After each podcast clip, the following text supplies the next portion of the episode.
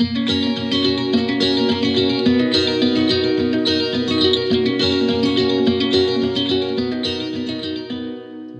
til Danske Bankers, podkasten for deg som vil vite hva som rører seg i markedet fra uke til uke. 2020 er allerede her, og med meg i studio som har jeg som vanlig deg, Christian. Godt nyttår. I like måte. Godt nyttår.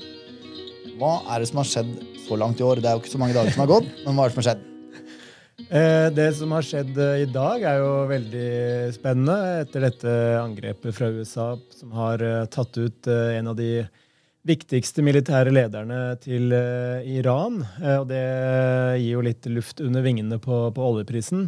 Men vi tror ikke at dette kommer til å få de helt store konsekvensene for markedene. Det, en slik situasjon, altså hvor man risikerer da en, en militær konflikt og problemer med olje, eh, oljeflyten osv., ville nok vært et langt større problem tidligere enn nå når vi har på en måte veldig god kapasitet i den amerikanske oljeproduksjonen med skiferolje osv., og, så og oljeprisen også er ikke veldig høy eller veldig lav, men den er uh, lavere enn den har vært, i hvert fall i et, historisk uh, perspektiv. Så det er klart at dette er en geopolitisk risiko som kan ut, utarte seg og bli ordentlig ille, men i det korte bildet så tror vi ikke det får de helt store konsekvensene for markedet. Men det var en, en litt sånn oljedreven start, naturlig nok. Men så langt i år så har stemningen egentlig vært rimelig god. Fortsetter egentlig der fjoråret slapp. og 2019, hvis vi skal prøve å oppsummere det, så ble det egentlig et ekstremt bra år på, på mange måter med veldig høy avkastning i, i, aksjemarkedet. Veldig solid avkastning i obligasjonsmarkedet. Også i, i råvaremarkedene. Og faktisk, litt sånn interessant eh, fun fact til deg, Fredrik, det er at 2019 eh, markerte faktisk første gangen noensinne at avkastningen i amerikanske aksjer, emerging markets-aksjer, globale aksjer, råvarer generelt og gull, obligasjoner, inkludert statsobligasjoner, selskapsobligasjoner, inflasjonsjusterte oblasjoner, at avkastningen i alle disse investeringskategoriene oversteg sitt eget gjennomsnittlige nivå for de siste ti årene samtidig. Og Det vitner jo om at uh, vi hadde et uh, ekstraordinært godt år i, i, fjor. Oslo Børs steg 16 uh, i 2019. Europeiske aksjer 27% Amerikanske aksjer opp 31% hvis man tar med utbytter. Og emerging markets-aksjer var opp 18% og hvis vi skal ta noen flere fun facts, som dere også kan lese om i min uh, kommentar som kommer i Finansavisen på søndag, uh, så var dette det beste året for amerikanske aksjer siden 2013. Det beste for europeiske aksjer siden 2009. Uh, eh, det beste året for italienske aksjer siden 1998. Uh, og det beste året for gull siden 2010, og faktisk det beste året for amerikanske obligasjoner samlet sett siden 2002. Det er så vilt, for det, det føles det, altså det året føltes ikke sånn som det ser ut som på papiret når man gjør opp regninga på slutten. Da. Det var jo turbulent og fremsto nesten som litt vanskelig å navigere for investorene gjennom året. Absolutt. Og det er litt det jeg innleder min, min kommentar med også, som jeg satt og skrev i, i går.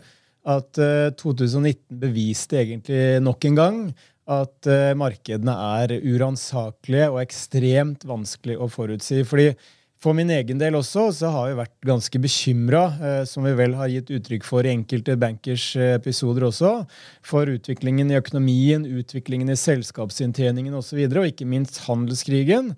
Eh, men likevel så har også kanskje sentralbankene vært eh, det som har eh, vippet i, i markedenes favør, eller avkastningens favør. Fordi ja, 70% av de globale sentralbankene senket styringsrenten gjennom 2019. Og i tillegg så har vi også hatt en, en ny boost i pengetrykkingen og likviditetstilførselen til, til, til økonomien og, og, ikke minst da finansmarkedene. Men det som er en interessant greie, det er jo Eh, hvis man ser på statistikken, hva betyr svært høy avkastning i ett kalenderår? For avkastningen i det neste. Og Intuitivt så er det lett å tenke at eh, ok, hvis vi fikk over 30% avkastning i amerikanske aksjer i år, så må det neste nødvendigvis bli veldig dårlig.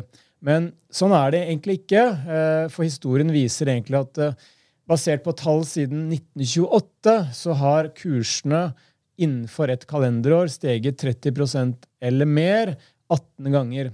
Og det betyr jo i prinsippet også at eh, så høy avkastning kommer, eller historisk da, har kommet i rundt ett av fem år i denne perioden. Og for de årene hvor avkastningen har vært over 25% altså ikke 30, men 25% så viser historikken at det ble positiv avkastning året etter i 12 av eh, 17 tilfeller med 25 med en gjennomsnittlig avkastning på 7 eh, opp. Og Ser vi da på de siste drøye 30 årene, altså siden 1990, så har det vært seks kalenderår for amerikanske aksjer med oppgang på minst 25% avkastning.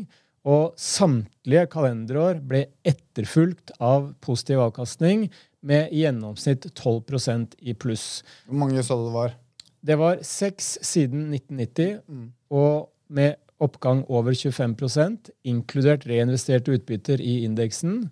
Og alle har da blitt etterfulgt av positiv avkastning. Og så må vi da bare gjenta at historisk avkastning er ingen garanti for fremtidig. Har du snittet utvikling. der også? Hva sa du? Har du snittet der også? Ja, snittet er da 12% i pluss ja, eh, for avkastningen. Eh, det vi også skal huske på eh, når det gjelder 2019 og den ekstreme avkastningen, det er jo at 2019 i prinsippet begynte der de store kursfallene gjennom fjerde kvartal i 2018 begynte å slippe taket. Og Det betyr jo at eh, den kraftige kursoppgangen i år den inkluderer da ikke bare en normalisering etter den nedturen, men også forventninger om en mer positiv politisk og økonomisk utvikling inn i 2020, som vi også mener det er rimelig god grunn til å, å forvente. Eh, og Ser vi på avkastningen for globale aksjer fra før korreksjonen begynte i september 2018 og frem til i dag. Vil si at vi tar bort det kursfallet gjennom fjerde kvartal, eh, som da er hentet inn igjen, så er avkastningen på rundt 10% for globale aksjer målt i lokal valuta. Så det er litt mer edruelig nivå hvis vi da ser bort ifra den korreksjonen. Hvis vi oppsummerer litt eh, det vi sa var noen av de mer spennende nøkkeltallene som skulle komme Kan vi vente litt? Mm. Kan vi vente litt før vi går over på det? det? Vi skal selvfølgelig gå gjennom de uh, makrotallene vi så på rett før uh, nyttår. Men ettersom vi Det har jo vært en uh, kort, men begivenhetsrik uke så langt i 2020. Kan du ikke bare for de som ikke har lest avisen, men som heller har tatt seg en akevitt og en øl ekstra etter nyttårsfeiringen, kan du ikke forklare hva er det som egentlig har skjedd med denne militæraksjonen fra USA?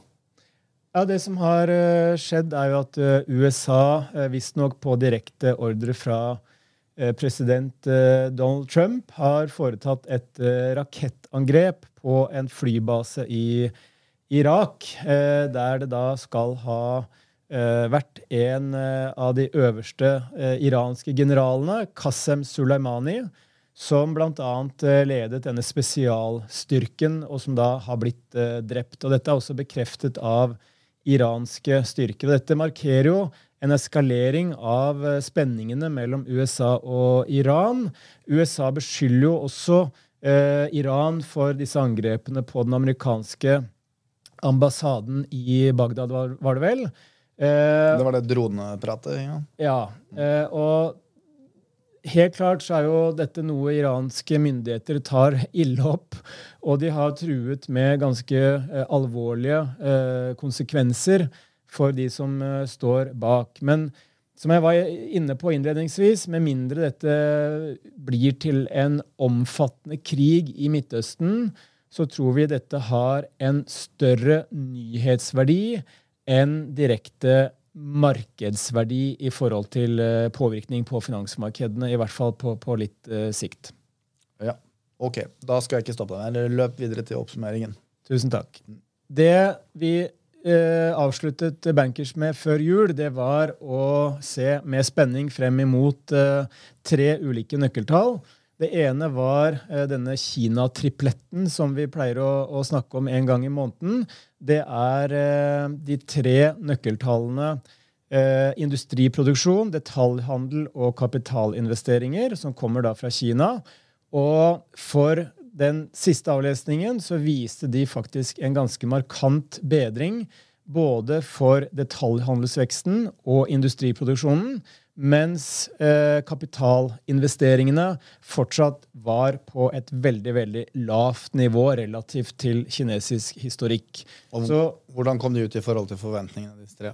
Eh, Det var eh, de to jeg nevnte først, altså industriproduksjon og detaljhandel, var bedre enn forventa og tegner egentlig et bekreftende bilde av det vi også har trodd eh, en stund, nemlig at man går mot en, en moderat stabilisering i kinesisk eh, økonomi. Og blant annet eh, Gårsdagens kursoppgang i markedene var jo drevet av nettopp en ny runde med stimulanser fra kinesiske myndigheter, hvor de da tillater bankene å øke utlånene sine eh, bl.a. til eh, næringslivet i, i Kina, som vi vet også sliter med stigende misligholdsrater. Men det får bli tema et annen dag, en annen dag. Yes. Eh, en annen, et annet nøkkeltall som vi også snakket om før jul, det var den tyske IFO-indeksen, som er en spørreundersøkelse blant uh, rundt 7000 tyske bedriftsledere. Og den uh, steg i, i uh, Hva blir det? Det blir da for desember. For fjerde måned på rad og indikerer noe høyere optimisme. Men det riktigere er kanskje å si at det er litt mindre pessimisme enn større optimisme, fordi indeksen er fortsatt på ganske lavt nivå. Og når det gjelder tysk økonomi, så fikk vi også tall i går som viste at stemningen i industrisektoren fortsetter å være veldig, veldig dyster. Det var de kjente og kjære PMI-ene vi fikk i går, og viste videre svekkelse ikke bare i tysk industri, men også i eh, eurosonen eh, generelt. Så selv om det har vært en del lyspunkter i økonomien, så er vi liksom ikke helt ute av eh, ute i det fri ennå kan si liksom all clear for, for, for industrien og verdensøkonomien. Det er fortsatt eh, enkelte ting som, eh, som skurrer. Det siste som vi snakket om før, før jul, det var amerikansk forbrukertillit. Og amerikansk forbrukertillit er viktig, fordi at når stemningen blant amerikanske husholdninger er god, så tenderer det også til å bidra til eh, god forbruksvekst. Og forbruk, privat forbruk det vet vi utgjør 68% av amerikansk økonomi og er ekstremt viktig. Denne målingen vi fikk nå for desember, den viste at eh, stemningen generelt fortsetter å være på veldig høye nivåer, faktisk nær de høyeste nivåene siden eh, 2000, år 2000. Men det som er en interessant greie rundt den amerikanske forbrukertilliten, det er at den også kan deles i to. Man kan dele undersøkelsen i eh, henholdsvis eh, forventninger til egen økonomisk situasjon frem i tid, og hvordan de vurderer nåværende økonomiske situasjon. Og Her begynner ting nemlig å sprike ganske betraktelig, nemlig ved at de vurderer sin nåværende økonomiske situasjon betydelig mer optimistisk enn fremtidig økonomisk situasjon. Og Nå skal ikke jeg være den som maler fanden på veggen, selv om jeg kanskje har vært skyldig å gjøre det noen ganger tidligere. Noen. Men hvis man ser på da differansen mellom nåværende situasjon og forventet økonomisk situasjon, så er den i dag såpass Altså forskjellen er såpass stor at det historisk har vært en resesjonsindikator. Men som vi vet, this time is different. Always. Always different. Always. Ok. Hva er det som skjer for så vidt på slutten av denne uken her og neste uke? Ja, Mye spennende. Eh, stort sett bare USA. Det jeg trekker frem nå, det er ISM-indeksen fra USA. Kommer i dag klokka fire. Eh, og vi vet jo at eh, det er to PMI-er i USA, som vi ser også i, i eh, Kina blant annet, og flere andre steder. Men den ISM-indeksen, som har ganske stor markedspåvirkning, har vært veldig svak ganske lenge. Og betydelig svakere enn den andre amerikanske PMI-en. Og vi tror at ISM-en kommer til å stige, rett og slett fordi den har vært for eh, dårlig og for negativ i forhold til de reelle eh, økonomiske eh, forholdene for amerikansk industri. Eh, når det gjelder tirsdag, så får vi tilsvarende ISM, bare at for servicesektoren, altså ikke for industrien, men for servicesektoren. Og den har generelt holdt seg ganske bra. Tendensen har vært negativ også der, men vi tror den også kommer til å holde et greit aktivitets, eller indikere et bra aktivitetsnivå. Og på fredag så får vi den amerikanske arbeidsmarkedsrapporten, nok en gang veldig veldig viktig, for å se om jobbveksten klarer å holde koken. Og ikke minst et av de risikomomentene som jeg trekker frem for 2020 i min kommentar eh, som kommer nå, det er at vi får en høyere lønnsvekst enn det som har vært eh, tendensen så langt. Og vi vet jo at arbeidsmarkedet i USA begynner å bli ganske stramt. Begynner lønnsveksten å stige. Og det begynner å forplante seg inn i inflasjonen, så kan det gi en eh, uønsket, i hvert fall for markedet sin del, eh, reaksjon både i forhold til hva de tror om Fed og renten, og ikke minst hvordan markedsrentene utvikler seg. Fordi som vi husker, I 2018 så steg markedsrentene periodevis ganske mye og skapte litt trøbbel for finansmarkedene. Takk skal du ha, Christian. Jeg skal oppsummere de viktigste sakene for neste uke og også ta markedsbevegelser så langt i 2020. Men før det så må jeg jo plugge litt. Du har en dobbeltside i DN i dag, har du ikke det? Jo. Eh, kommenterer eh, to år med handelskrig. Ja, Den eh, oppfordrer alle til å gå og lese. Ellers så oppfordrer jeg også alle til å følge Christian på Twitter, og handlet ditt på Twitter er Lie CHR. Lie CHR på Twitter, så finner dere Christian der. Da skal jeg ta markedsbevegelse siste, eller så langt i 2020. OECBX opp 0,7. eh, SMP 500 opp 0,8. Eurostock 600 opp 0,4. Og oljeprisen opp 3,5 særlig sterk i dag. De viktigste sakene for neste uke, eller faktisk i dag allerede, så får vi eh, ISM i USA klokka fire. Så får vi um, Non-Manufacturing ISM fra USA på tirsdag neste uke klokken fire. Og det viktigste tallet kanskje på slutten av uken klokken halv tre, så får vi arbeidsmarkedsrapporten fra USA. Det var alt vi hadde i årets første Bankers. Vi høres.